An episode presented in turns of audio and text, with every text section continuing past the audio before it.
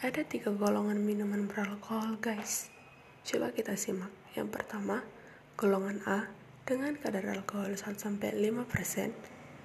Yang kedua, golongan B dengan kadar etanol 5-20%. Dan yang ketiga, golongan C dengan kadar etanolnya 20-45%.